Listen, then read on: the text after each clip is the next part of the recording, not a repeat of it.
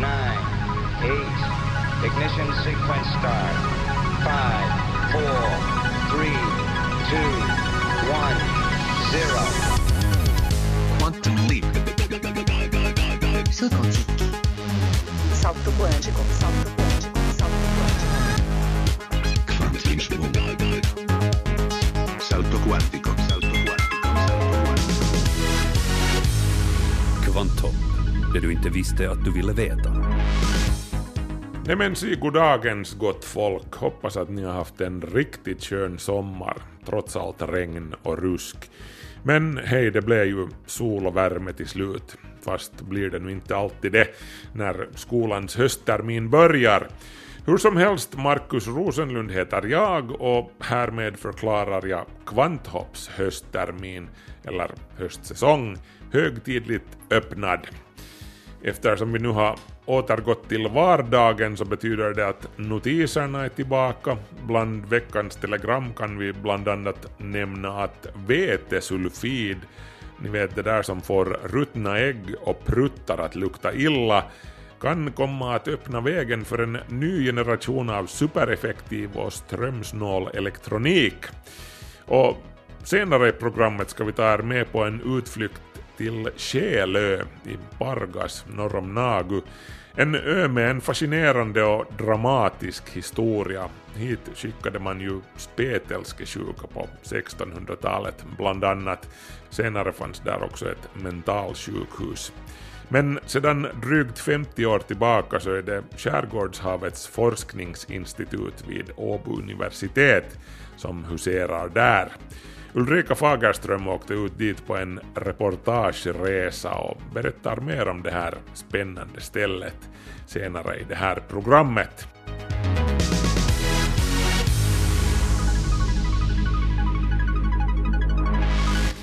Men innan det här, jag fick ett mail av Kalle Bly som är elektronikingenjör i pension.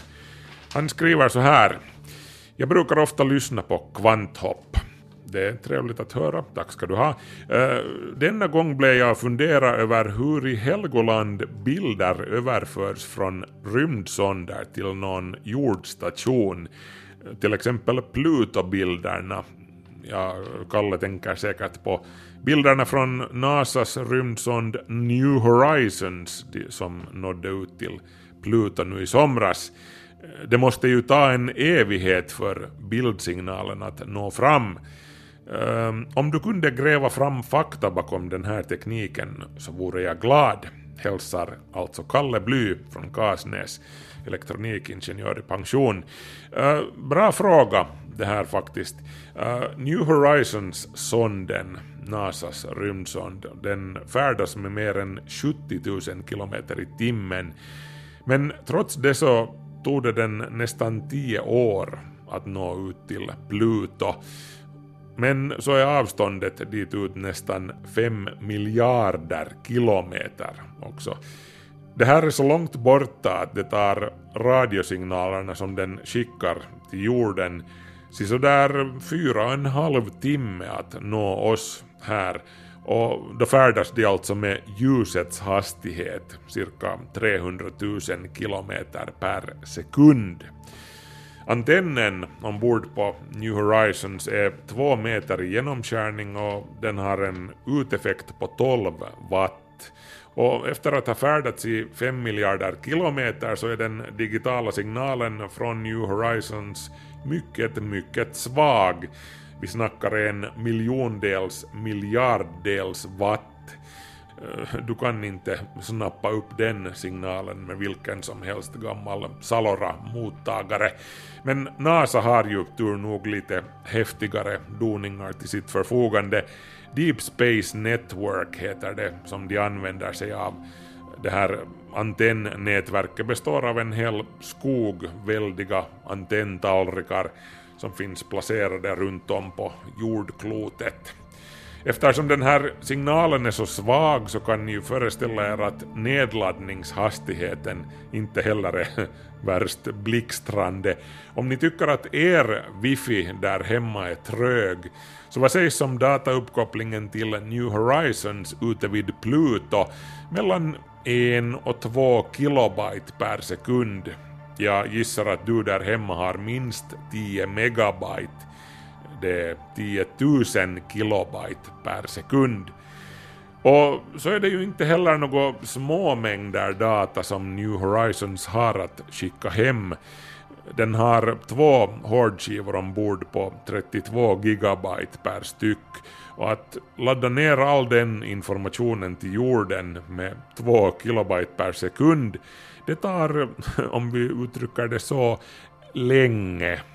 16 månader närmare bestämt. Så det dröjer ännu ett tag innan vi får se alla de finaste bilderna av Pluto i full resolution. Men det är säkert värt det.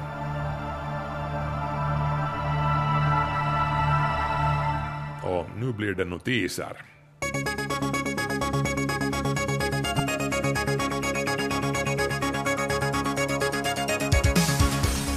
Få industriella processer producerar så mycket koldioxid som produktionen av eten, råvaran till polyeten, ett enkelt kolväte och en av de absolut vanligaste plasterna i dagens samhälle. Tillverkningen av ett ton eten frigör mellan ett och ett halvt och tre ton koldioxid. Men det finns grönare sätt att göra det här. Cyanobakterier, eller blågröna alger som vi också kallar dem, kan under vissa förhållanden fås att producera eten. Det här är någonting som har varit känt redan en längre tid men processen har hittills varit ojämn och opålitlig. Men nu har forskare vid det amerikanska energiministeriet lyckats producera en genetiskt manipulerad stam av cyanobakterier som producerar eten som aldrig förr. Eh, vad man har gjort är att ändra på bakteriernas metabolism, en del av det koldioxid som de normalt skulle använda till att producera socker och stärkelse genom fotosyntes, omvandlas istället till eten som är en gas och som enkelt kan tas till vara. Processen är inte bara utsläppsfri, den är koldioxidnegativ faktiskt. Den tar upp koldioxid från atmosfären. För att producera ett ton eten binder cyanobakterierna tre ton koldioxid. Forskarna tror att den här processen kan bli ekonomiskt konkurrenskraftig inom tio år. Som det är nu så går en del av elströmmen alltid till kråkorna då man leder den genom en ledning på grund av resistans i det strömledande materialet. Under vissa förhållanden, oftast under mycket låga temperaturer, kan vissa sorters material fås att leda ström utan något som helst motstånd. Det här kallas supraledning. Man kan bara föreställa sig hur mycket el vi skulle spara om alla elledningar skulle vara supraledande vid rumstemperatur. Magnetiskt svävande tåg och supereffektiva partikelacceleratorer och magnetkameror är bara några exempel på vad det här kunde leda till. Forskare har länge drömt om ett sådant material som är supraledande vid höga temperaturer och nu har ännu ett steg tagits i den här riktningen. Kemister vid Max Planck-institutet presenterade häromdagen den hittills bästa kända supraledaren vetesulfid. Ni vet, gasen som får ruttna ägg och pruttar att lukta blir supraledande vid rekordhöga minus 70 grader Celsius under väldigt högt tryck. Det gamla rekordet var minus 110 grader Celsius. Så det är så, pruttgasen räddar världen. I Tyskland har man hittat en gammal massgrav som vittnar om de tidiga européernas grymheter. BBC skriver om det här. Graven är omkring 7000 år gammal och människorna vars ben ligger i den tillhörde den så kallade bandkeramiska kulturen som rådde i området kring den här tiden. Minst 26 skelett har hittats i gropen och allt vittnar om att liken har kastats dit vårdslöst tillsammans med allsköns avfall, inte under ordnade omständigheter som i samband med en begravning. Kvarlevorna visar också tydliga tecken på brutalt våld, krossade skallar, ofta med hål orsakade av pilspetsar som också hittades i gropen. Benen är brutna på två tredjedelar av individerna, vilket tyder på att offren har utsatts för tortyr. Tio av individerna var barn i sex års ålder eller yngre. Sannolikt handlar det om en strid mellan klaner av jordbrukare, en strid där man inte tog några fångar, så att säga. Vad som låg bakom stridigheterna är det ingen som vet, men forskarna spekulerar i orsaker som överbefolkning eller en klimatförändring som ledde till en kamp om maten. Teleskopen blir bara bättre och effektivare och snart kommer vi att kunna göra direkta observationer av planeter i andra solsystem, så kallade exoplaneter. Men hur ska vi gå tillväga för att avgöra om det finns intelligent liv på någon av dem? Civilisationer, alltså. Ironiskt nog så är det bästa sättet att avgöra det här att leta efter spår av död. Luftföroreningar som freoner till exempel är tecken på att någon är där och förgiftar sin atmosfär. Dr. Duncan Forgan vid det skotska St. Andrews universitetet har analyserat olika sätt som vi kan använda katastrofer för att spåra civilisationer i andra solsystem och han nämner ett planetomfattande kärnvapenkrig som en signal som skulle skvallra om att det finns, eller snarare fanns, någon där. Det skulle synas på långt håll. Ett experiment med nanoteknologi som har spårat ur med fatala konsekvenser skulle också ge en ljussignatur som vi kunde observera och dra slutsatser av den. Orsaken till att vi inte har lyckats observera tecken på utomjordiska civilisationer kan, som också Dr. Forgan noterar, vara att civilisationer ofta är relativt kortlivade, helt enkelt. De blommar upp och frodas under en kort men intensiv tid och spränger sedan sig själva i luften, eller någonting liknande.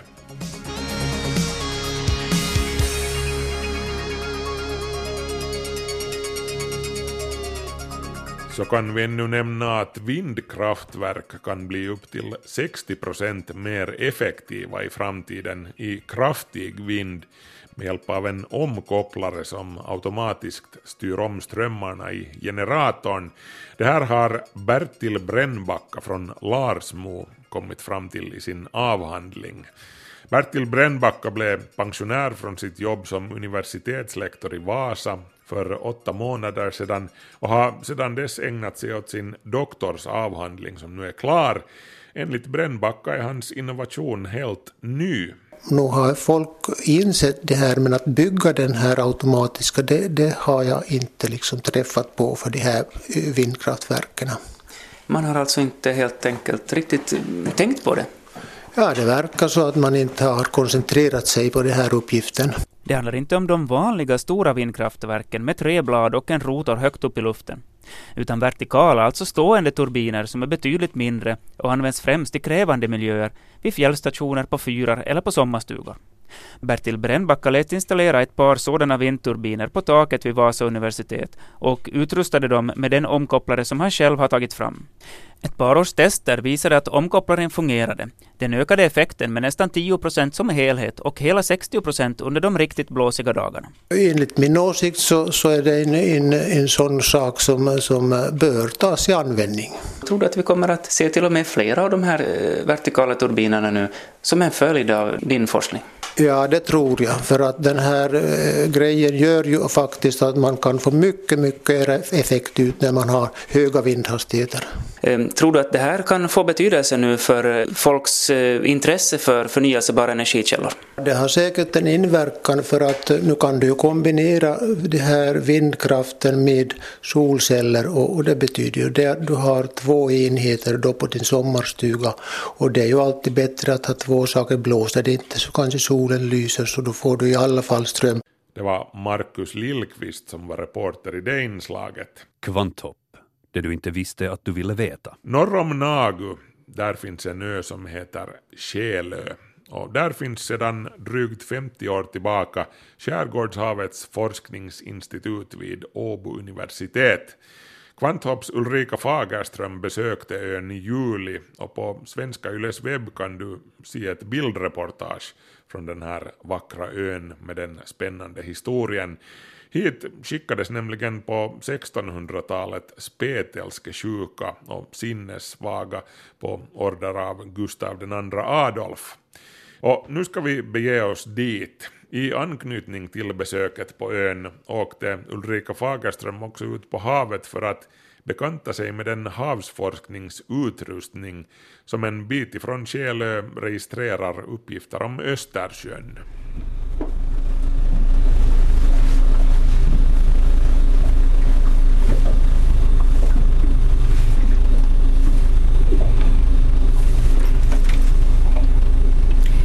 Välkommen med till det röda båthuset där forskarna på Själö har en av sina båtar. Motorn är redan igång med professor Ilpo Vuorinen vid rodret, eller ratten för det här är modell med halva båten täckt och förarplatsen under tak framme till höger. Aj, nu regnar det redan! Nu regnar det redan! Själv står jag med ena benet i regnkläderna, för vädret växlar mellan regnskurar och solsken som under en stor del av den gångna sommaren.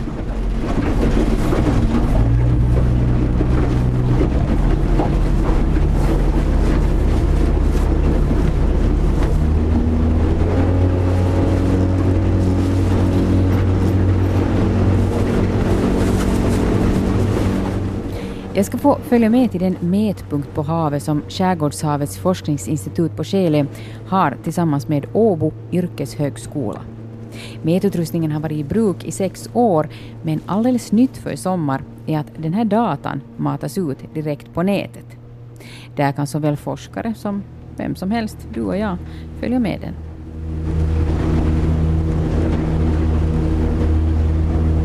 Vi kör sådär knappt tio minuter ut från Själö tills vi kommer fram till mätpunkten.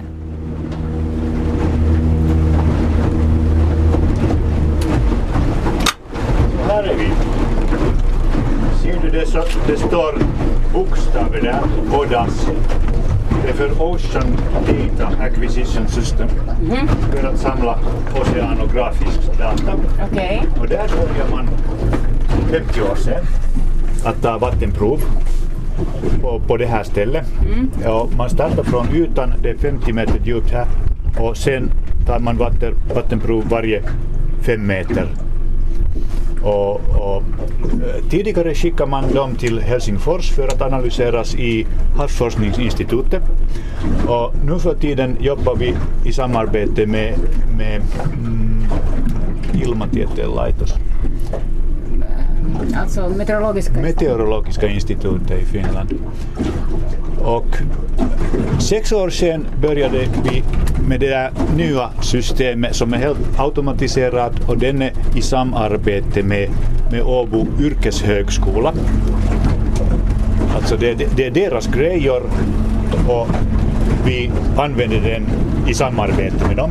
Och vi kan ta data från det finns en, en, en automatisk äh, analyseringssystem här som skickar, skickar ner äh, en äh, prob, analy, analysatorn och mät, mäter äh, sam, samtidigt flera olika äh, parametrar. Liksom tempera, temperatur och salthalt och, och blågröna alger och, och grumlighet och, och syrehalt och sånt.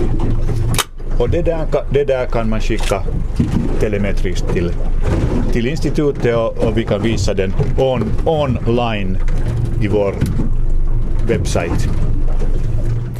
Tänk dig en gul assiett och så placerar du en gul sockerbit ovanpå den.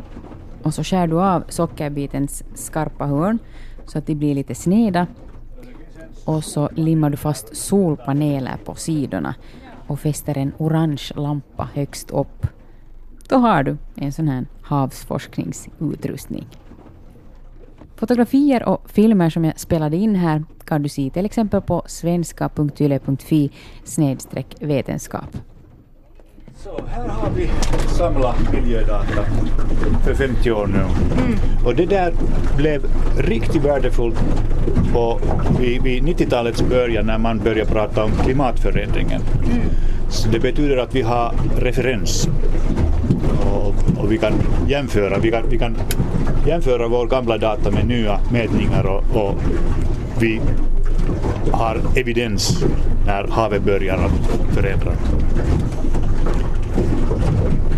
Så det där, är, det där är helt fint och modernt.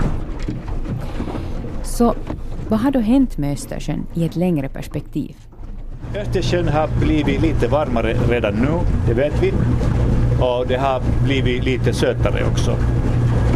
Och vi, vi tror att det, det också blåser mera än tidigare. Men det, alltså, statistiken är inte så kraftig. Men, men temperatur har ökat.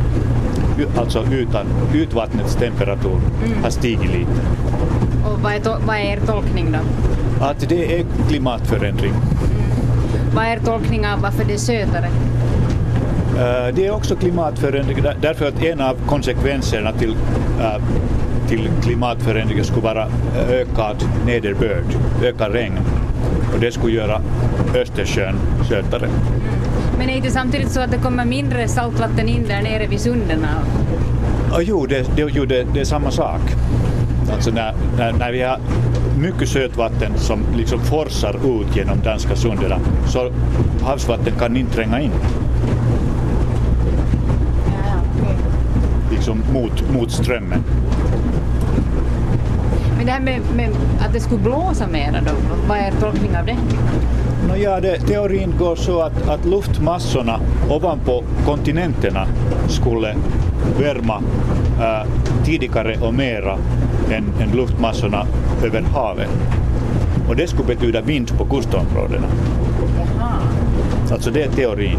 Och att värmen ovanför liksom, fastlandet är Ja. beror på industrin och allt möjligt. Och, och, och solen också, ja. Växthuseffekter och solen. hur bra klarar den sig själv? Måste man ofta hit och serva den på något vis? Eller? Ma- ja, man måste putsa den. Den, den blir äh, äh, mikroskopiska alger och sånt som sätter sig i det där analysatorn. Så man, man måste komma ähm, två veckors mellanrum och putsa det. Men, men annars får det ligga här och under vintern. Det måste upp förstås när vi har isarna. Det, det går inte att Ja. det. Finns det motsvarande stationer? Nej, inte ännu. Men vi har samarbetsprogram med, med, med finska fältstationer och också Finlands miljöcentral och Meteorologiska institutet. Och vi, vi vill ha en sån nätverk som, som skulle samla information längs hela kusten. Och det här är den första. Och det, det blir andra, eh, det, det kommer en annan till Husjö i Åland och sen troligen också på Tvärminne geologiska station. När ska de komma? Vi har, vi har redan fått pengarna från Finska akademin, så när, när som helst.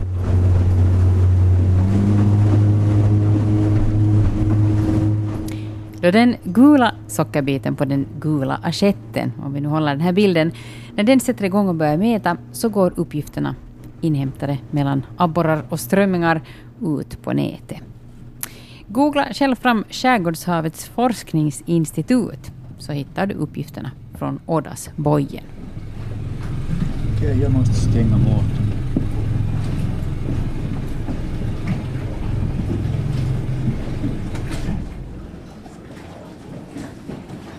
Tillbaka i hamnen är det bara att tacka för åkturen. Nu ska vi vandra den smala sandvägen fram över Skelö så att vi kommer till de vackra gamla sjukhusbyggnaderna från 1800-talet där universitetsforskarna huserar. Inne i den gula, stiliga stenbyggnaden kommer vi att hitta Mikael Elving som forskar i strömming. En fisk som inte alls är lika mediasexig som laxen, vilket märks då man söker om forskningspengar. Men i övrigt är väldigt intressant för forskare. Välkommen till Skelö i Pargas, norr om Nago. Här finns sedan 50 år tillbaka Skärgårdshavets forskningsinstitut som lyder under Åbo universitet. Min värd heter Ilpo Vuorinen. Han är professor och ansvarig för forskningen på Själö. Och det här är hans 23 sommar på ö. Jo, vi vanligen kommer i april och sommaren tar slut för oss, eller säsongen tar slut i september, oktober. oktober. Så jag kommer vanligen, äh, jag pendlar från måndag till fredag.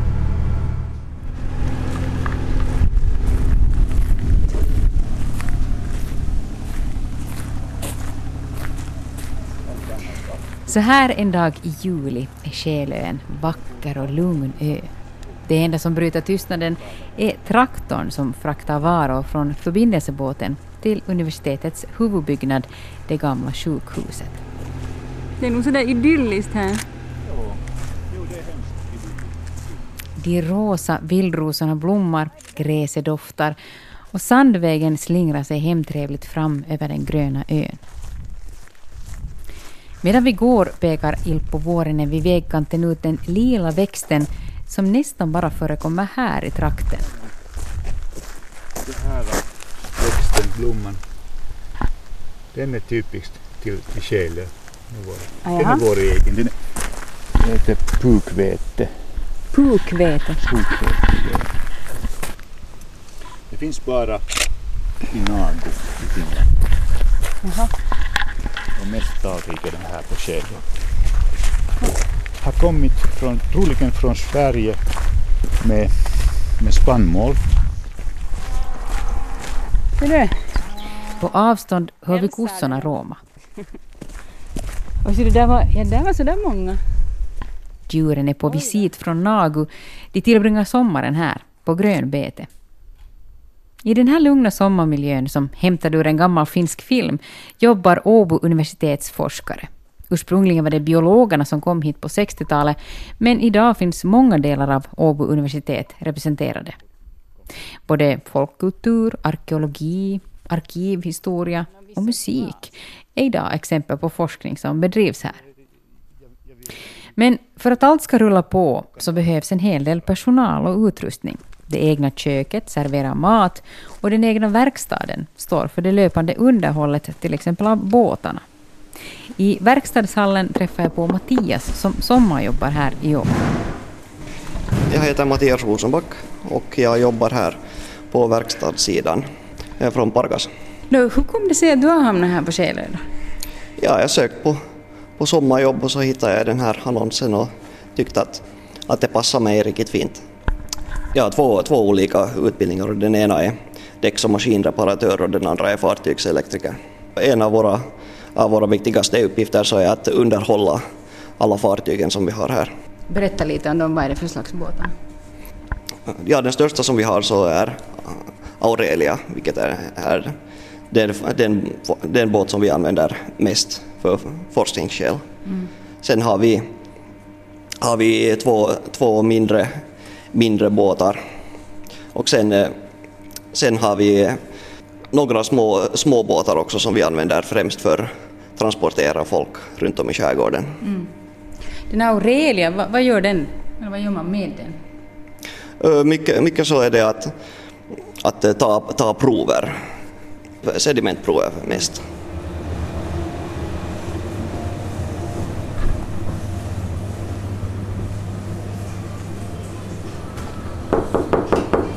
Hej!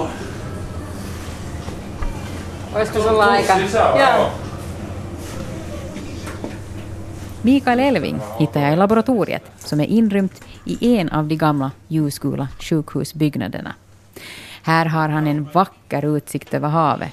De rosa rosenbuskarna kan anas nere på gården och är det inte gräs som doftar eller blir jag bara förvirrad av alla gamla strömmingar som dräller omkring i laboratoriet. Nej, no, det sista var skämt. De gamla strömmingarna är synnerligen väl organiserade och luktar inte alls. De finns preparerade på glasskivor i mikroskopiskt tunna skivor där Mikael forskar i deras ålder. Jag får direkt en konkret bild av vad han sysslar med då jag får ta en titt i mikroskopet. Nyt kun katsot tosta, niin voit havaita siellä reparointimikroskoopin alla otoliitin, missä näkyy, missä näkyy silakan vuosirenkaat. Jaha, vänta nu. Jag får alltså titta på en benbit. En bit av strömmingens hörselben, en så kallad otolit.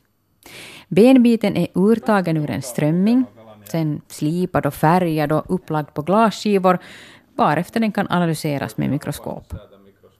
I benet kan avläsas årsringar, precis som på ett träd. Och den här strömmingen är fyra år gammal. Oftast är de mellan tre och sju år gamla, men till och med 30-åriga strömmingar har man hittat. Mikael har jobbat som forskningsassistent på Skelö i fyra år och har hela tiden jobbat med det strömmingsprojekt som har pågått här i 30 år. Här följer man alltså med hur Östersjöns strömmingar förändras. Och det gör de. De har nämligen blivit mindre. No, ilmeisesti ne on pienentynyt tässä kolme, 30 vuoden aikaa paljon. Syytä nyt, suoraan syytä ei, ei välttämättä vielä pystytä sanomaan. Mutta... Tota- Varför strömmingarna har krympt vet man inte. Teorin, eller en av dem, är att det beror på att Östersjön har blivit sötare. Ett sötare vatten lär anstränga de inre organen mer, vilket kräver energi, vilket gör att det blir mindre över för tillväxten, förklarar Mikael. Förutom otolitanalysen i mikroskopet så följer man här regelbundet med strömmingens längd och vikt samt inälvornas skick. Det har visat sig att en liten mängd av strömmingen har olika former av mer allvarliga problem. Det gäller en promille eller några procent av en population. Och de senaste åren har man kunnat registrera hermafroditer, asymmetri, extra inälvor med mera.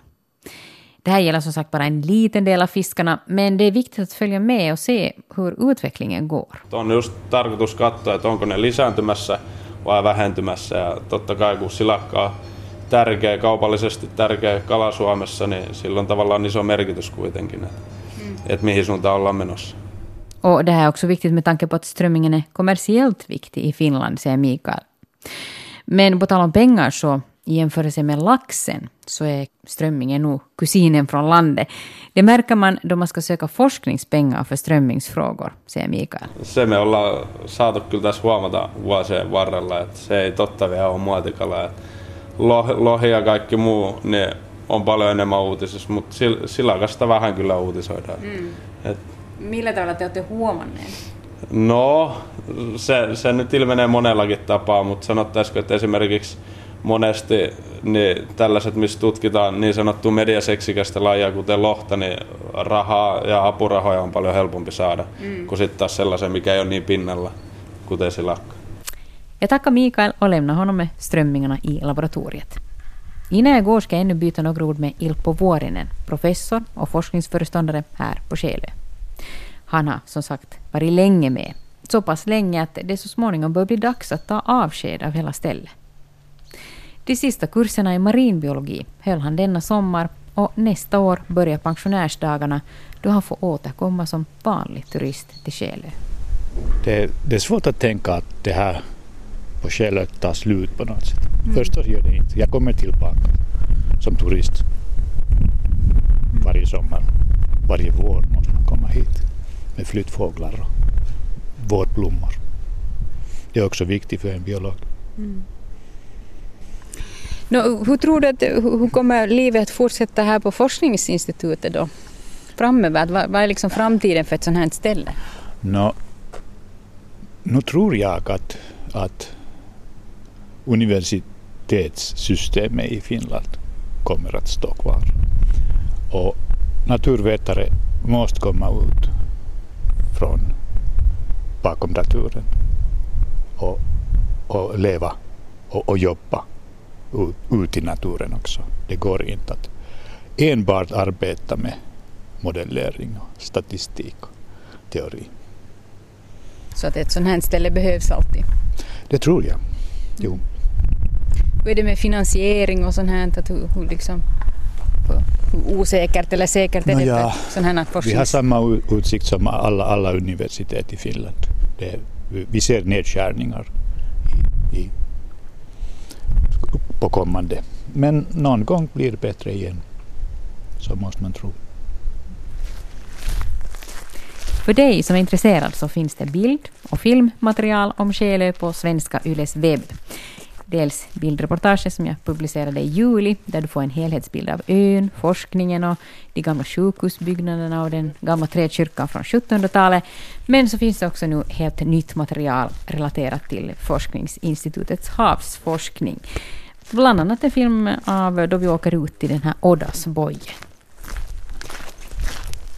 Det var Ulrika Fagerström som hade besökt Själö. Kvanthopp snabela yle.fi. En mobil granulatkvarn har fått pris vid den årliga anrika uppfinnartävlingen Le Pin i Paris. Det som sägs vara unikt med den här kvarnen är att den kan hacka ner naturmaterial på plats och ställe utan att behöva återvända till en laddningsstation. Johan Tolgert berättar mer om den här prylen. Donc euh, effectivement, euh, nous sommes très, heureux d'avoir eu euh, ce prix du président de la République. Jag är förstås stolt över att vår flyttbara jättegranulatkvarn fått priset vid årets Lepin-tävling, berättar här en av granulatkvarnens uppfinnare, Philippe Dürhammer. Concours Lepin i Paris är en uppfinnartävling som existerar sedan över hundra år tillbaka. Det som är unikt med denna franska uppfinning är att den har möjligheten att sammanpressa råvaran på plats, på åken eller i skogen. För vanligtvis behöver granulatkvarnar återvända till en laddningsstation, berättar Dürhammer. Oui, voilà, sur des centres fixes, c'est c'est effectivement une des spécificités de ce granulateur euh, mobile. Donc c'est une semi-remorque qui se déplace euh, directement sur les gisements de... Fördelen med vår granulator är att den alltså är mobil. Man behöver inte åka fram och tillbaka till laddningsstationen, vilket är bra för miljön, förklarar han. Granulatkvarnen är utmärkt för att mala ner till exempel majs, vete och vinrankor. Idealet är att meja ner råvaror som är 10-15 cm tjocka. Men den kan även bearbeta grenar som är upp till 40 cm tjocka. euh, euh, euh, Därefter sammanpressas materialet till små kompakta pellets som kan användas till konstgödsel eller bränsle. Den enorma granulatkvarnen är placerad på en stor lastbil. Den kan sammanpressa upp till 10 ton naturmaterial per dag. Det är tre killar från Alsace som uppfunnit den. Vid sidan av Philippe Dürhammer har även kollegorna Charles Herman och Xavier Raymond arbetat med den. De är metallarbetare och elektriker med ett brinnande intresse för uppfinningar. Granulatkvarnen ska vara den första av sitt slag i sån här enorm storlek och så det här som jag nämnde innan, att den förvandlar den uppsugna råvaran till kompakta pellets på plats, ska också vara unikt. Kollegan Xavier Raymond har intervjuats av nyhetsbyrån AFP och här berättar han hur granulatkvarnen fungerar i praktiken. Alors, euh, les matières premières passent par euh, le déchiqueteur. Elles sont acheminées par la suite euh, par les deux broyeurs, les moulins. Man lastar på råmaterialet på granulatkvarnen antingen för hand eller med hjälp av en traktor. Det går även att förse den med en stor dammsugare. Materialet hackas sedan ner i en upplösare. Det leds vidare in i två kvarnar, förs in i en separator och lagras i en silo. Därefter fördelas materialet i granulatorn som sammanpressar granulatet till små pellets. Qui achemine au fur et à mesure le granulateur ou alors on recompose justement cette matière en, en granulés.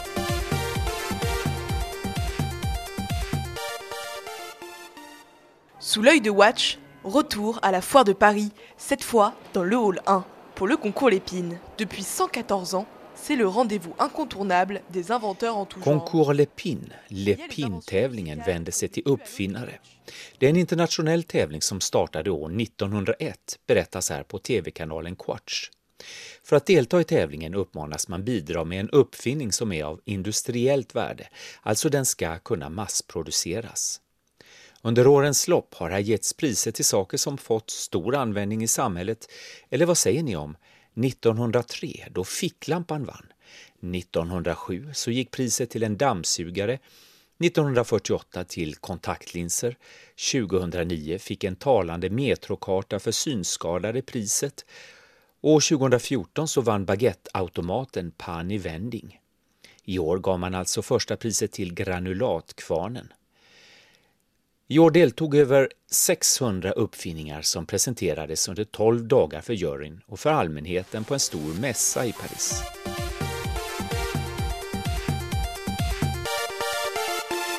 Andra deltagare i Lepin-tävlingen 2015 var till exempel Ektos, som bland annat har med Finland att göra. Det är en brandhjälm med infraröd kamera. Den kan hjälpa brandmän att se röken under släckningsarbetet under branden, förklarar Alice Froissac som är en av dem som framställt hjälmen. Pendant un an à temps plein, on a travaillé là-dessus. Euh, bah, C'était parrainé par un grand partenaire industriel, nous c'était Thales Optronic, qui est arrivé avec Hjälmen med den infraröda kameran har utarbetats av fyra forskare i Frankrike samt tre forskare i Finland, säger hon till TV. Arbetet har tagit ett år. Et notre travail, on était sept étudiants, quatre en France et trois en Finlande, à travailler sur comment intégrer cette technologie Kamerabilderna förmedlas även till personal som sitter i brandbilen och följer släckningsarbetet via datorer. Detta så att de bättre kan förstå vad som sker i området som härjas av branden, förklarar Alice Froissac. caméra, on va la projeter directement sur la visière du masque respiratoire, comme ça le pompier l'a sous les yeux, et on transmet aussi l'image en temps réel à l'extérieur. Men det var alltså granulatkvarnen som vann det stora priset i Lepin-tävlingen 2015. Potentiella beställare har redan hört av sig från Australien och Kanada. Jag frågar en av uppfinnarna, Philippe Dürhammer, vad han tror var orsaken att just granulatkvarnen gick hem hos juryn.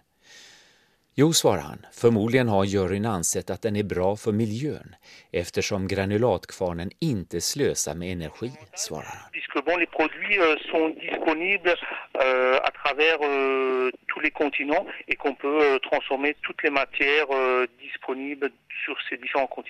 Reporter där var Johan Tolgert.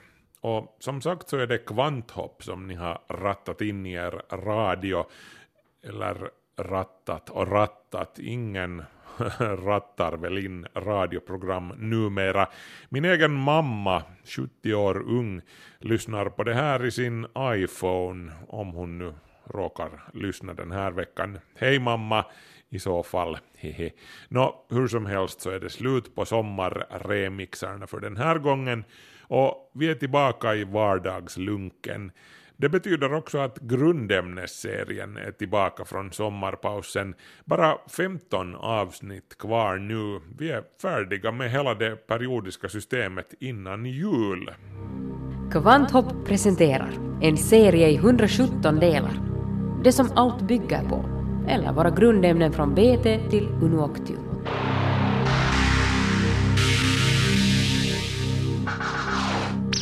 Atom nummer 102, nobelium, kemiskt tecken NO. Länge dröjde det, men Sveriges store son Alfred Nobel fick ett grundämne uppkallat efter sig till slut. Och när det väl skedde så var det inte utan kontrovers.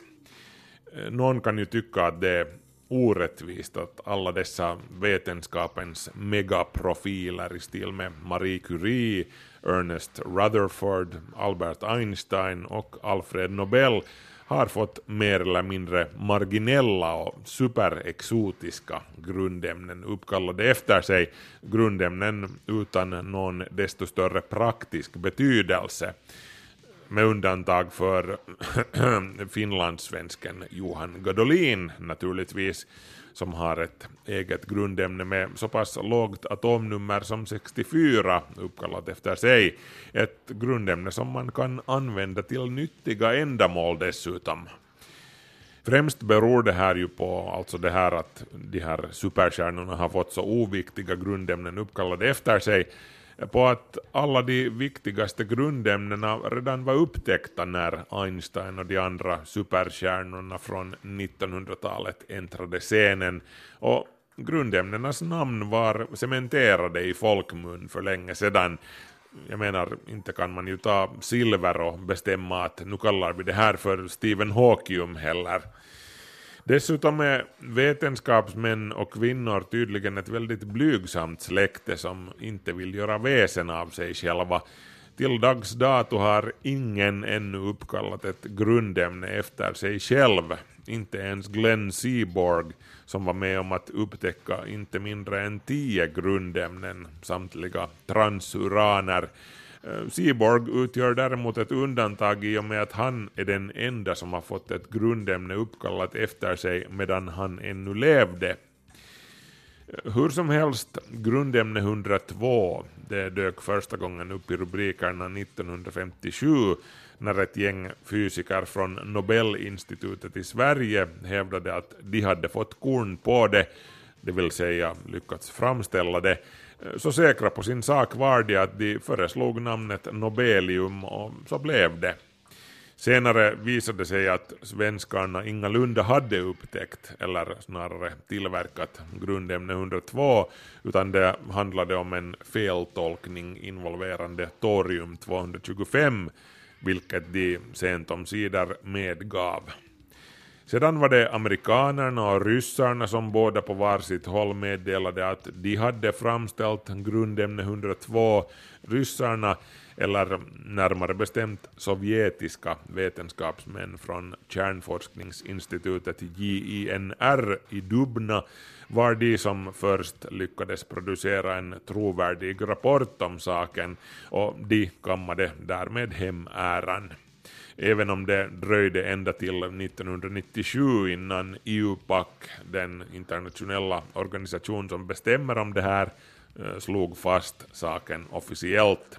I samma veva blev det också officiellt att grundämne 102 heter nobelium, trots att det hade kallats så ända sedan 50-talet.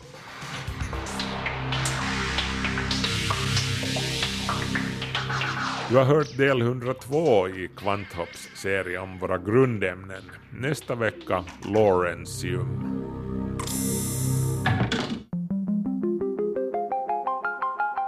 Kvanthopp, det du inte visste att du ville veta. Och det var det. Första programmet i Kvanthopps höstsäsong 2015 är slut för den här gången. Markus Rosenlund heter jag. Vi hörs om en vecka. Ha det så bra. Hej så länge.